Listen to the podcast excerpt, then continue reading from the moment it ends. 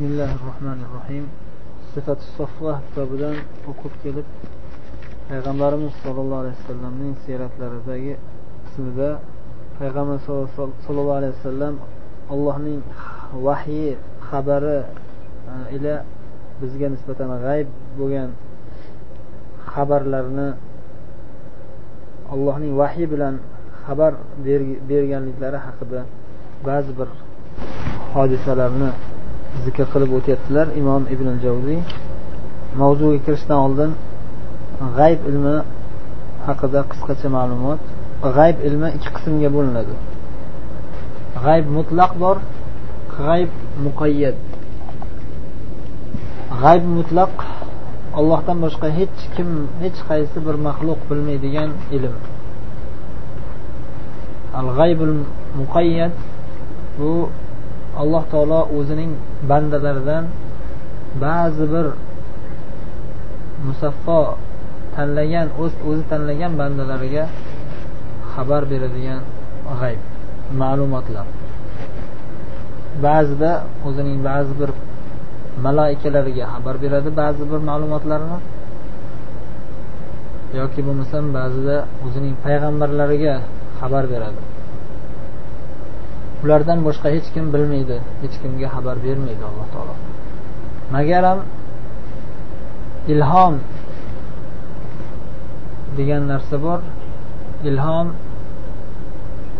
alloh taolo o'zining ba'zi bir do'stlariga ilhom berib beradiki o'sha avliyolar allohning do'stlari kelajakda ma'lum bir hodisalarni sezib ma'lum bir hodisalarni sezib allohdan ya'ni bir ilhom sifatida biladilar. Lekin shu bilan birga ular biz qat'iy bilamiz deb aytishmaydi.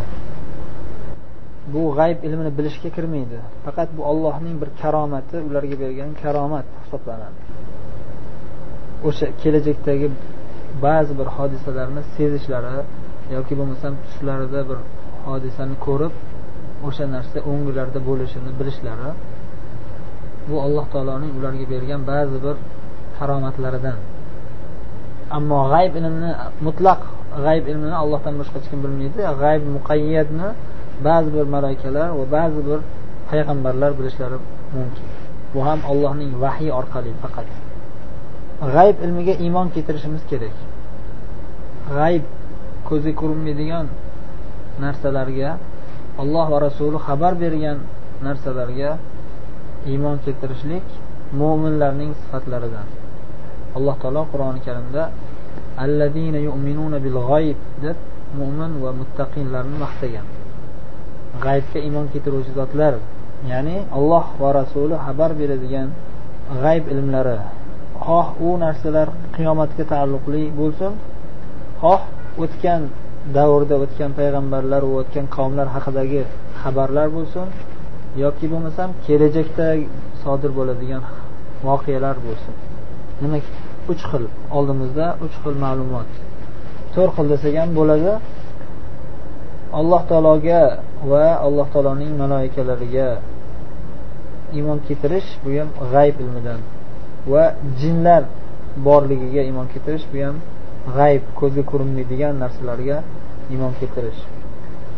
Ikkinchisi qiyomat va qiyomatga aloqador bo'lgan qabr hayoti qiyomatda bo'ladigan narsalarga do'zax yoki jannat va arzil mahsharda bo'ladigan hisob kitob va tarozu qo'yilishligi va boshqa voqealar alloh taolo xabar bergan qiyomatda bo'ladigan voqealarga iymon keltirish.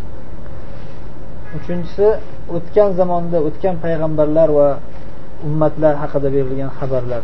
To'rtinchisi kelajakda voqea bo'ladigan qiyomat alomatlari yoki umumiy hodisalar haqidagi xabarlarga iymon keltirish. Bular hammasi demak g'ayb ilmiga iymon keltirishga kiradi.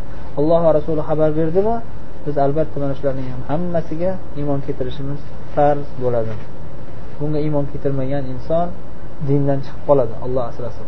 Chunki alloh va rasulining xabarini yolg'onchiga chiqargan bo'ladi demak g'ayb ilmiga iymon keltirish haqida qisqacha ma'lumot berib o'tdik endi imom javziy kitoblaridan o'qiymiz ذكر طرف من أخبار من إخباره بالغائبات صلى الله عليه وسلم payg'ambarimiz sollallohu alayhi vasallam g'oyib xabarlar haqida xabar berishlaridan ba'zi xabarlardan ba'zi bir rivoyatlarni eslab o'tamiz عن أبي هريرة رضي الله عنه قال قال رسول الله صلى الله عليه وسلم إذا هلك كسرى فلا كسرى بعده وإذا هلك قيصر فلا قيصر بعده والذي نفسي بيده لتنفقن كنوزهما في سبيل الله.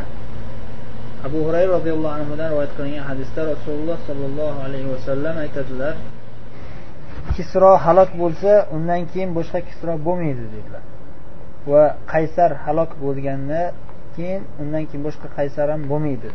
Va jonim u zotning qo'lida bo'lgan alloh taologa qasamki ana shu ikkovisining kisro va qaysarning boyliklari olloh yo'lida xayr ehson qilib yuboriladi. Haqiqatdan mana shunday bo'lgan. Kisro mamlakati musulmonlar tarafidan yiqitilib islom davlati kengaytirilgandan keyin kisro qayta tiklanmagan hozirgacha va qiyomatgacha qaytadan fors imperiyasi bo'lmaydi. Va yana qaysar deganda ya'ni rim imperiyasi ham yiqilgandan keyin qaytib tiklanmagan va tiklanmaydi ham. Bu payg'ambar sallallohu alayhi vasallam u ular u davlatlar yiqilishidan oldin xabar berib qo'yganlar va haqiqatda aytganlaridek ular yiqildi va qayta tiklangani yo'q. Yana abu hurayra roziyallohu anhudan rivoyat qilinadi. Aytadilarki شهدنا مع رسول الله صلى الله عليه وسلم خيبر فقال لرجل ممن يدعي الإسلام هذا من أهل النار abu hurayra roziyallohu anhu aytadilarki haybar g'azotida rasululloh sollallohu alayhi vasallam bilan birga edik shunda jihod qilayotgan islomni davo qilgan odamlardan biriga rasululloh sollallohu alayhi vasallam aytdilarki bu odam o'sha haqida ya'ni o'sha odam haqida aytdilarki bu odam do'zaxiy dedilar do'zax ahlidan dedilar Vaholanki u odam o'sha jang qilayotganda juda qattiq himmat bilan jang qilardi. Qancha kofirlarni o'ldirgan. Shunga ba'zi bir musulmonlar hayron bo'lib shubhaga ham qolay deyishdi. Qanday qilib jihod qilayotgan odamga bu odam do'zax ahlidan deydilar. Deb keyin rasululloh aytdilarku hamma taslim bo'lib indamadi. Keyin yana urushda urushda urush davom etib qattiq jihod qilib jarohatlandi u odam. Jarohatlanib yotganda kechasi o'zi jarohatdan bo'layotgan qiyinchilikka sabr qilolmasdan o'zini o'zi o'ldirdi. Shuning uchun do'zax ahli degandilar rasululloh sallallohu alayhi vasallam yani taqdirga rozi bo'lmasdan o'zini alloh taoloni imtihoniga sabr qilolmasdan o'zini o'zi o'ldirdi. O'zini o'zi o'ldirish juda ham katta gunohlardan shuning uchun rasululloh ilannar dedilar. U do'zaxga ketdi dedilar. Sahobalardan biri bu voqeani ko'rib ashhadu annaka rasululloh deb payg'ambarimiz oldilariga yugurib kelib aytgan siz haqiqatda ollohni rasulisiz nima bo'ldi desalar shunaqa shunaqa degandingiz o'sha odam haqida do'zaxiy degandingiz u haqiqatdan o'zini o'zi o'ldirib o'ldi deb xabar berdi abdulloh ibn masud roziyallohu anhudan انطلق سعد بن معاذ معتمرا فنزل على أمية بن خلف سعد بن معاذ degan sahobiy bilasizlar ansoriylarni eng katta sayyidlaridan shu payg'ambarimizga iymon keltirganlaridan keyin madinada umraga ketyaptilar makkaga. Makka hali fath bo'lmagan. Makkada katta katta mushriklar tog'utlar bor. Lekin sad muoz obro'lari baland. Madinani sayidi sayidlaridan biri. Makkadagilar ham hurmat qilishga majbur. Chunki makkadagilar tijoratda madinani yonidan o'tadi. Shunda sad muozni hurmati kerak bo'ladi ya'ni himoyasi boshqasi. Sad muozni makkadagi o'rtoqlari johiliyat davrida umayyat ibn halaf bo'lgan keyin islomdan keyin ham zohiriy muomalada yaxshi bo'lgan sad muoz bilan o'zini foydasi uchun ya'ni. Sad muoz ham zohiridan yaxshi muomala qilib islomga da'vat qilish foydasi yo'q chunki u da'vat qilsalar ham quloq solmayaptida endi u undan oldin payg'ambarimiz sallallohu alayhi vasallam makkada o'n uch yil da'vat qilganlarida shu umayyat ibn halaf eng ashaddiy dushmanlardan bo'lgan. Payg'ambarimiz dushmanlaridan islom dini dushmanlaridan. Endi hozir bu yerda payg'ambarimizni kelajak haqida xabar bergan xabarlardan bittasi ya'ni qissasi kelyapti hozir. Abdulloh masud rivoyat qilyaptilar. Sad muoz makkaga borganda o'sha o'zini o'rtog'i umayya ibn halaf uyiga tushdi. Umayya shomga ketayotganda tijoratgami boshqami tijoratga ketayotganda shu madinadan yursa madinadan o'tsa sad ibn muoz tushardi mehmon bo'lib. Shu aloqa bir birlari bilan yaxshi bo'lgan johiliyatda keyin o'sha islom kelgandan keyin ham o'sha sad namoz muoz umraga borganlarida o'sha umay ibn uyga mehmon bo'lib tushganlar keyin bir kun tavof qilyapsalar abu jahl o'tirgan ekan. Endi abu jahl umayat ibn halabdan battar ashaddiy islom dushmani. Fir'avn hadihil umma deganlar. Bu ummat fir'avni abu jahl. Abu jahl ko'rib qoldi sad ibn muaz. Kim tavof qilyapti kabatullohda xotirjam. Sad ibn muaz. San o'zi va sani o'rtoqlaring o'sha ham qarindoshing muhammadni va muhammadni o'rtoqlarini ashoblarini madinada himoya qilib ularga joy berib yana biz makkaga kelib xotirjam umra qilmoqchimisan hali deb jahli chiqdi. Keyin xotirjam kabada tavof qilyapsan desa bizni dushmanimizni o'zing uyingga joylab olib. Bunga yo'l qo'ymasligimiz kerak deb urushib ketishdik. Sad muoz bilan abu jahl talashib qolishdi. Shunda umayya o'rtaga aralashib sad muozni mezboni o'rtaga tushib saadga ey ovozingizni pasaytiring ovozingni pasaytir. Abul hakamga ya'ni abu jahlni abul hakam deyishadi ular. Abul hakamga ovozingni baland ko'tarmagin. Bu ahli vodiyni sayidi bu abu jahl. Ya'ni vodiy kaba. Vodiy makka ya'ni makka ahlini kattasi bo'ladi bu abu abu jahl abu lahab e, abu abu jahl biz aytamiz kofirlar abul hakam deyishadi payg'ambarimiz abu jahl bu deb laqab qo'yganlar shundan keyin abu jahl deb aytiladi. Keyin sad abu jahlga qarata aytdiki sad aytdilarki agar qasam allohga agar meni kabatullohni tavof qilishga qo'ymasang shom tijoratingdagi yo'ling shomga boradigan tijorat yo'lini yo'lini to'saman kesib qo'yaman dedi. Umayya yana aralashib ey ovozingni ko'tarmagin deb sad muozni ushlab tinchitmoqchi bo'ldi. Endi abu jahl hurmati balandda uni ustiga sad musulmon abu umayya kofir abu jahl ham kofir. Sad keyin jahllar chiqdida abu jahl tarafini olavergandan keyin e san chekkaga chiqib turgin. Sani masalang boshqa o'zi. Ha tinchlikmi nima? Desa men muhammad sollallohu alayhi vasallam seni o'ldiraman deganlarini eshitganman.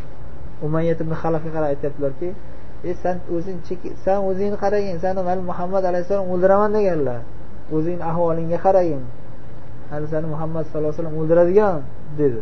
Keyin umayyat ibn halaf dahshatga tushib meni o'ldiraman dedimi deyapti. Shunda albatta shunday degan dedi. Degandan keyin vallohi ma nukazzibu muhammadan haddas dedi. Umayyat ibn halaf aytdiki muhammad agar aytadigan bo'lsa biz uni yolg'on gapirmaydi deb bilamiz. U gapda turadigan dedi. Ya'ni ular ham o'zi ishonishardi. Kofirlar muhammad sallallohu alayhi vasallam bir gapni aytsalar va xabar bersalar albatta o'sha narsa voqea ro'y o'sha narsa voqea bo'lishi aniqligini bilishardi. Uyiga qaytib umayyat ibn halaf ayoliga ham shu xabarni aytdi. Anu yasriblik o'rtog'im ya'ni madinalik madinalik sad muoz o'rtog'im aytgan gapini eshitmadingmi? dedi xotiniga umayya. Xotini so'radi nima dedi? o'rtog'ing desa u o'rtog'im aytishi bo'yicha muhammad meni o'ldiraman meni qotilim bo'larmish u. Meni o'ldiradigan odam muhammad emish.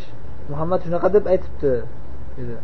Muhammad yolg'on gapirmaydi lekin deb xotini ham umayyat xotini ham aytyapti. Oradan ozgina vaqt o'tib badr jangi bo'ladi. Badr jangi boshlanganda makka ahli jangga chaqiriladi. Hamma jangga tayyorlanib chiqib ketayotganda musulmonlarga qarshi jang qilish uchun xotini eslatadi. Umayyani xotini eriga aytadiki esingda yo'qmi muhammad senga nima degani? deydi. Desa esimda bor. Degandan keyin va qo'shimcha aytadiki man deydi chiqmayman desa abu jahl keladida urushga bormayman deydida umayya qo'rqyapti endi muhammad alayhisalom urush bo'lyapti kim boshqaryapti urushni? Kim bilan kim o'rtasida? Muhammad alayhissalom bilan sahobalar bilan kofirlar makka mushriklari o'rtasida bo'lyapti. Endi makkaliklarni kattasi abu jahl. Abu jahl keldida umayya ibn halafga aytdiki sen makka ahlini katta sayyidlardan bo'lsan umayya urushga chiqmasang bo'lmaydi. Sen chiqmasang sani orqangdan qancha qancha odamlar ergashib urushga chiqmay qoladi keyin biz urushda ko'plik bo'lmasa ko'pchilik bo'lmasa yutolmay qolamiz deb majburlaydi. Hatto tafsilotida undan uzoq qissa ko'p qissalar bor endi qisqasini ketyaptilar bu yerda. Keyin abu jahl oxiri mayli dedi. San dedi hech bo'lmasa dedi biz bilan safarga chiqavergin bir kun ikki kun yurib turib sekin bekinib qaytib kelasan. Hamma umayya ham chiqdi deb chiqadi yo'lga. Dedi keyin yo'lga chiqadi. Bir ikki kun yurgandan keyin qaytaman desa abu jahl yana chekkaga kelib olib turib e dedi qaytmagin dedi. San xotinlarga o'xshab manimcha qo'rqoqsan deydi. Keyin man qo'rqoq emasman deb turib o'zicha mardlik qilib yana yuradi. Abu jahl jahlini chiqaradi. Nima qiladi? Endi arablarda xotinlar kiyimini tagidan haligi isiriqqa o'xshagan bir atirni atir bilan o'zini xushbo'y qiladigan bo'ladida. Endi erkaklar tashqaridan ayollar o'zini shunaqa kiyimini tagidan qiladi. Abu olib kelibdida abu jahl bitta o'sha ud olib kelib kiyimingni ko'targin tagingga qo'yib qo'yaman. Umayyatni halamga shunaqa ermak qilgan. Umayya mana xotinlarga o'xshatyapsanmi? San jangga chiqishdan qo'rqqan odam xotin kishi bo'lmaysan nima bo'ladi? deydi deydi man qo'rqmayman deb keyin jangga chiqadi. Jangga chiqib borib alloh taoloni irodasi bilan payg'ambar sallallohu alayhi vasallam o'zlari qilichlari bilan uradilar keyin umayya ibn halaf keyin u yaralanadi. O'lmaydi o'sha yarador bo'lib makkaga qaytib qochadi. Bu yerda hozir o'sha tafsilotini keltirmabdilar. Xullas ya'ni o'sha alloh taolo badr jangida umay ibn halaf o'ldiradida payg'ambar qo'llari bilan. Demak bu ham payg'ambar sallallohu alayhi vasallam kelajakda bo'ladigan xabarlaridan biri. Shu bo'ladi deb aytganlar o'shanday bo'lgan. Keyingi hadisda anas roziyallohu anhu aytadilar umar roziyallohu anhu bilan birga men makka bilan madinada ketayotgan makka madina orasida ketayotgandik safarda. Yangi oy kirgan payti edi biz oyni ko'ramiz deb harakat qildik. Men ko'zim o'tkir edi oyni ko'rdim. Umarga ko'rdingizmi? Ko'rdingizmi desam ko'rolmayapman endi keyin ko'rarman deb haligi qildilar keyin kechqurun yotishganda badr g'azoti haqida umar roziyallohu anhu anas roziyallohu anhuga qissa aytib yotdilar. Chunki anas roziyallohu anhu badr jangida kichkina bo'lganlar yoshlar qatnashmaganlar o'shanga anas so'ragan bo'lsalar kerak bizga badr jangidan aytib bering deb. Shunda umar roziyallohu aytyaptilarki badr jangida bo'lgan voqealardan urushdan oldin rasululloh sollallohu alayhi vasallam bir bir kecha oldin aytardilar. O'sha badr jangi bo'ladigandan bir kun oldin mana bu palonchi o'ldiriladigan joy. Abu jahl mana bu yerda o'ldiriladi. Falonchi mana bu yerda o'ldiriladi. Hammasini joyini ko'rsatib berardilar urush maydonida. Hali jang boshlanmagan bir kun oldin. Inshaalloh ertaga mana bu yerda palonchi mana bu yerda palonchi o'ldiriladi deb aytib xabar beradilar. Ertasiga urush bo'lganda umar roziyallohu anhu aytadilar xuddi o'sha ko'rsatgan joylarda o'ldirilgandi.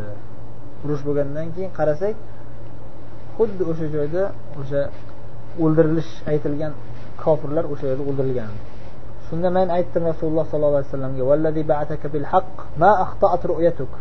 tushingizda ko'rgan vahiy voqeda hech qanday bir birisiga xilof bo'lmadi ey rasululloh sizni yuborgan alloh taologa qasam haqiqat bilan yuborgan alloh taologa qasam tushingizda ko'rganingizda tushimda ko'rdim ertaga mana shu yerda o'ldirilar ekan deb aytganlarda xuddi o'shanday bo'ldi dedilar.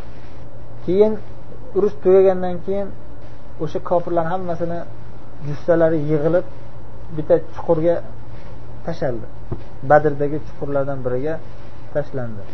Keyin rasululloh sollallohu alayhi vasallam uch kundan keyin uch kun o'sha yerda yotganlar. Badr jangida g'alaba qozonishib g'alabadan keyin uch kun qolganlar o'sha yerda rasululloh dam olib o'sha yerda uch kun turishgan badrda. Buni hikmatlari bor. Endi hozir mavzudan chiqib ketmasdan kitobda kitobdan o'qiveramiz borib o'sha chuqurni qirg'og'iga borib chuqurda yotgan kofirlarga o'lib yotgan jussalarga nido qila boshladilar. Ey abu jahl ey falonchi ey pistonchi deb hammasini chaqirib otini aytib hal vajadtum ma va'adakumullohi haq ma va'adakumullohu haqqan?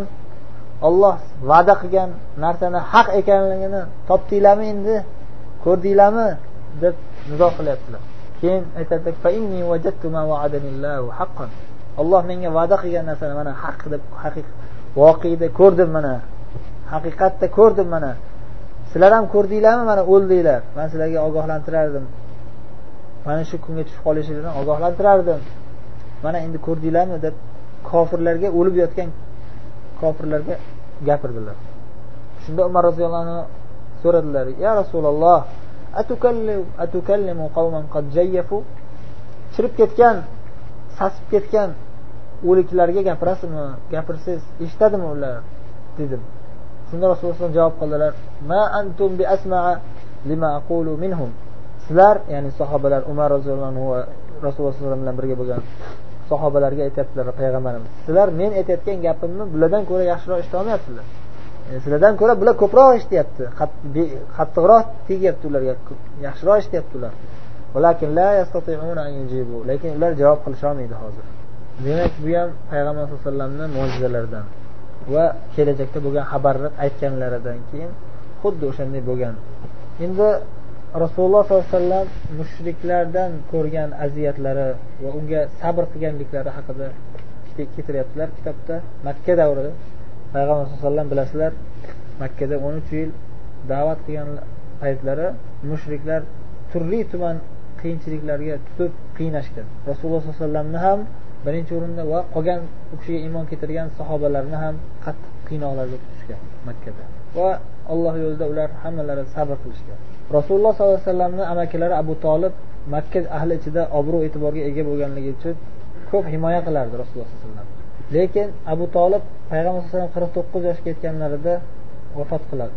Abu tolib vafot qilgandan keyin payg'ambar sallallohu alayhi vasallam o'zlarini himoya qilib turgan amakilarini yo'qotganlaridan katta zarar ko'radilar moddiy jihatdan. Va shunga siqiladilar ikki jihatdan siqiladi birinchi o'rinda amakilari islomga kirmasdan islomni qabul qilmasdan o'lib ketdi. La ilaha illalloh deng desalar ham aytmadi. Qavmim millatim qaysi dinda bo'lsa o'sha dindaman deb o'lib ketdi. La ilaha illalloh deyishdan bosh tortdi. Bunga qattiq alam qildi payg'ambarimiz qattiq siqildilar vaholanki abu tolib qayta qayta o'zi aytardi bilaman seni dining haq ey jiyanim.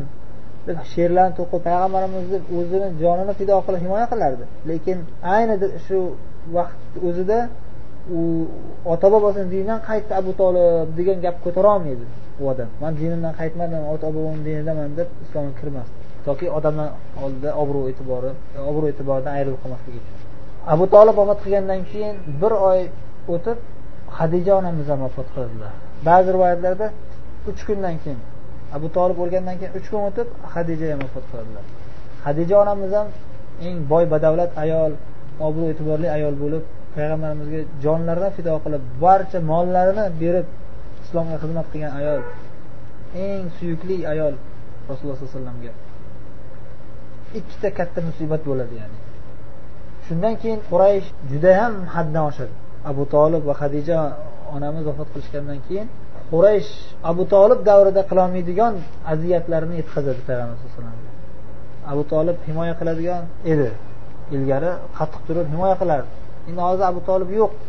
Endi bunga qattiqroq aziyat berib qattiqroq qiynasak bu dinidan qaytishi mumkin deb payg'ambarimizga juda qattiq ozorlar berishardi.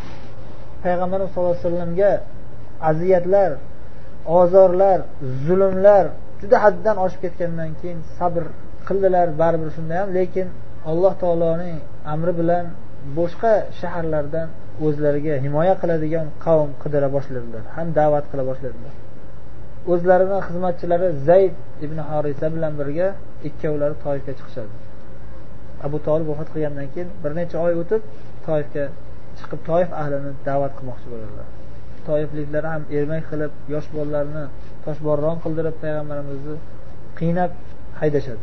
Yana makkaga qaytib keladilar makka mushriklarini ichida ba'zilari insofli bo'lgan. Shulardan biri eng mashhur boylardan va himoyasi kuchli obro'si martabasi baland shaxslardan biri mutim ibn adi. Mutim ibn adi insofli xulqli mard erkaklardan biri bo'ladi.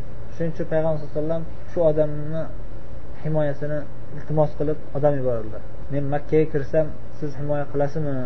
Quraysh mani o'ldirib qo'ymasligi uchun qatl qilib yubormasligi uchun deb mutim adi kofir odam lekin adolatli insofli odam. Shunga odam yuboradilar va u odam va'da beradi. Kelavering sizdek buyuk inson himoya qilinishi kerak. Qanday qilib o'z vatanidan haydab chiqariladi? Qanday qilib qatl qilinadi keling man sizni himoya qilaman deb va'da beradi ibn adi. Kiradilar makkaga ibn adi himoyasida. Ibn adi joni bilan bor kuchi bilan himoya qiladi lekin baribir shunda ham qattiq qiyinchiliklarga qattiq qarshiliklarga quraysh kofirlarini zulmu tug'yoniga ro'baro bo'ladilar abdulloh ibn masud roziyallohu anhu rivoyat qiladilar shu payg'ambar sallallohu alayhi vasallamga boshlariga tushgan eng katta musibatlardan birini qissa qilib aytadilarki rasululloh sollallohu alayhi vasallam juda halim zot. Birovni haqorat qilmaydigan birovga qarshi duoibat qilmaydigan juda halim edilar. Biror marta qurayshga qarshi quraysh kofirlarini duoibat qilganlarini eshitmagandim. Bir kun eshitdim. Bir kun haddan oshib ketdi ularni zulmi. O'sha kuni o'sha voqea hodisa ro'y berganda o'sha yerda oldilarida edim kabatullohni oldida namoz o'qiyotgandilar. Quraysh kofirlardan bir jamoasi bir guruhi kabani atrofida davra qurib o'tirishgandi gaplashib. Payg'ambarimiz esa namoz o'qiyaptilar ular bir chekkada payg'ambar ustlaridan ermak qilib kulib gaplashib o'tirdi. Ayni shu vaqtda endi bittasi makka ahlidan bir kishi tuya so'ygan va tuyasini ichak shivoqlari axlatlarini chiqarib tashlagan. O'sha payt abu jahl yaramas o'zining suhbatdoshlariga e, xitob qilib aytdiki kim dedi ana bu tuyani ichak chuvoqlarini axlatlarini olib kelib muhammadni boshiga tashlaydi muhammadni boshiga tashlab ozod bera olaydi. Kim qo'lidan keladi? Qani mard bormi dedi shunda uqba ibn abi muayid degan eng badbaxt kimsalardan biri turib men tashlayman dedida borib o'sha tuyani axlatlarini ichak chuvoqlarini olib kelib payg'ambarimiz sallallohu alayhi vasallam boshlariga tashladi. Payg'ambarimiz sajda qilgan holatlarida edilar. Sajda qilgan hollarida axlatlarni olib kelib boshlariga tashlagandan keyin turolmay qoldilar sajdada. Sajda qilgan holatlarida qolib ketdilar. Endi bu yerda sahobalar juda zaif holatda. Rasululloh sallallohu alayhi vasallamni himoya qilisholmaydi xuddi hozir bizni holatimizga o'xshab hozirgi zamonda ham biz shunday holga tushib qoldikku payg'ambarimizni ermak qilib yotishibdi kofiru munofiq kimsalar zolimlar. Abdulloh ibn masud aytyaptilar men qo'limdan hech narsa kelmaydi. Rasululloh sallallohu alayhi vasallam himoya qilmasam ular mani o'ldirib tashlaydi. Qo'limda hech qanday kuchi yo'q. Uni ustiga abdulloh masud jussalari ham kichkina bo'lganda shunda bir kishi borib fotima onamizni fotima yosh qiz bo'lganlar. Fotima roziyallohu anho yosh qiz bo'lganlar. Yosh qizcha endi arablarda bir yaxshi odat bor ediki kofirlarda ham johillarda ham yaxshi odat shu ediki qizlarni ayollarni hurmat qilardi. Ya'ni biron bir arab biron bir kofir bo'lsa ham biron bir erkak arab ayollarga qo'lini tegizmasdi orlanardi. Qanday qilib erkak kishi ayol kishini uradi? Bu hezalak odam qiladi buni. Ayol kishiga qo'l ko'taradigan odam yo ayol kishi bo'ladi yo hezalak bo'ladi. Bular shunday qoida shunday odat ularda. Ayol kishiga umuman qo'l ko'tarishmas shuning uchun fotima onamizga aytishdida borib dadangizni ko'rib qarang dadangizni boshlariga axlat tashlab qo'ydi kofir zolimlar.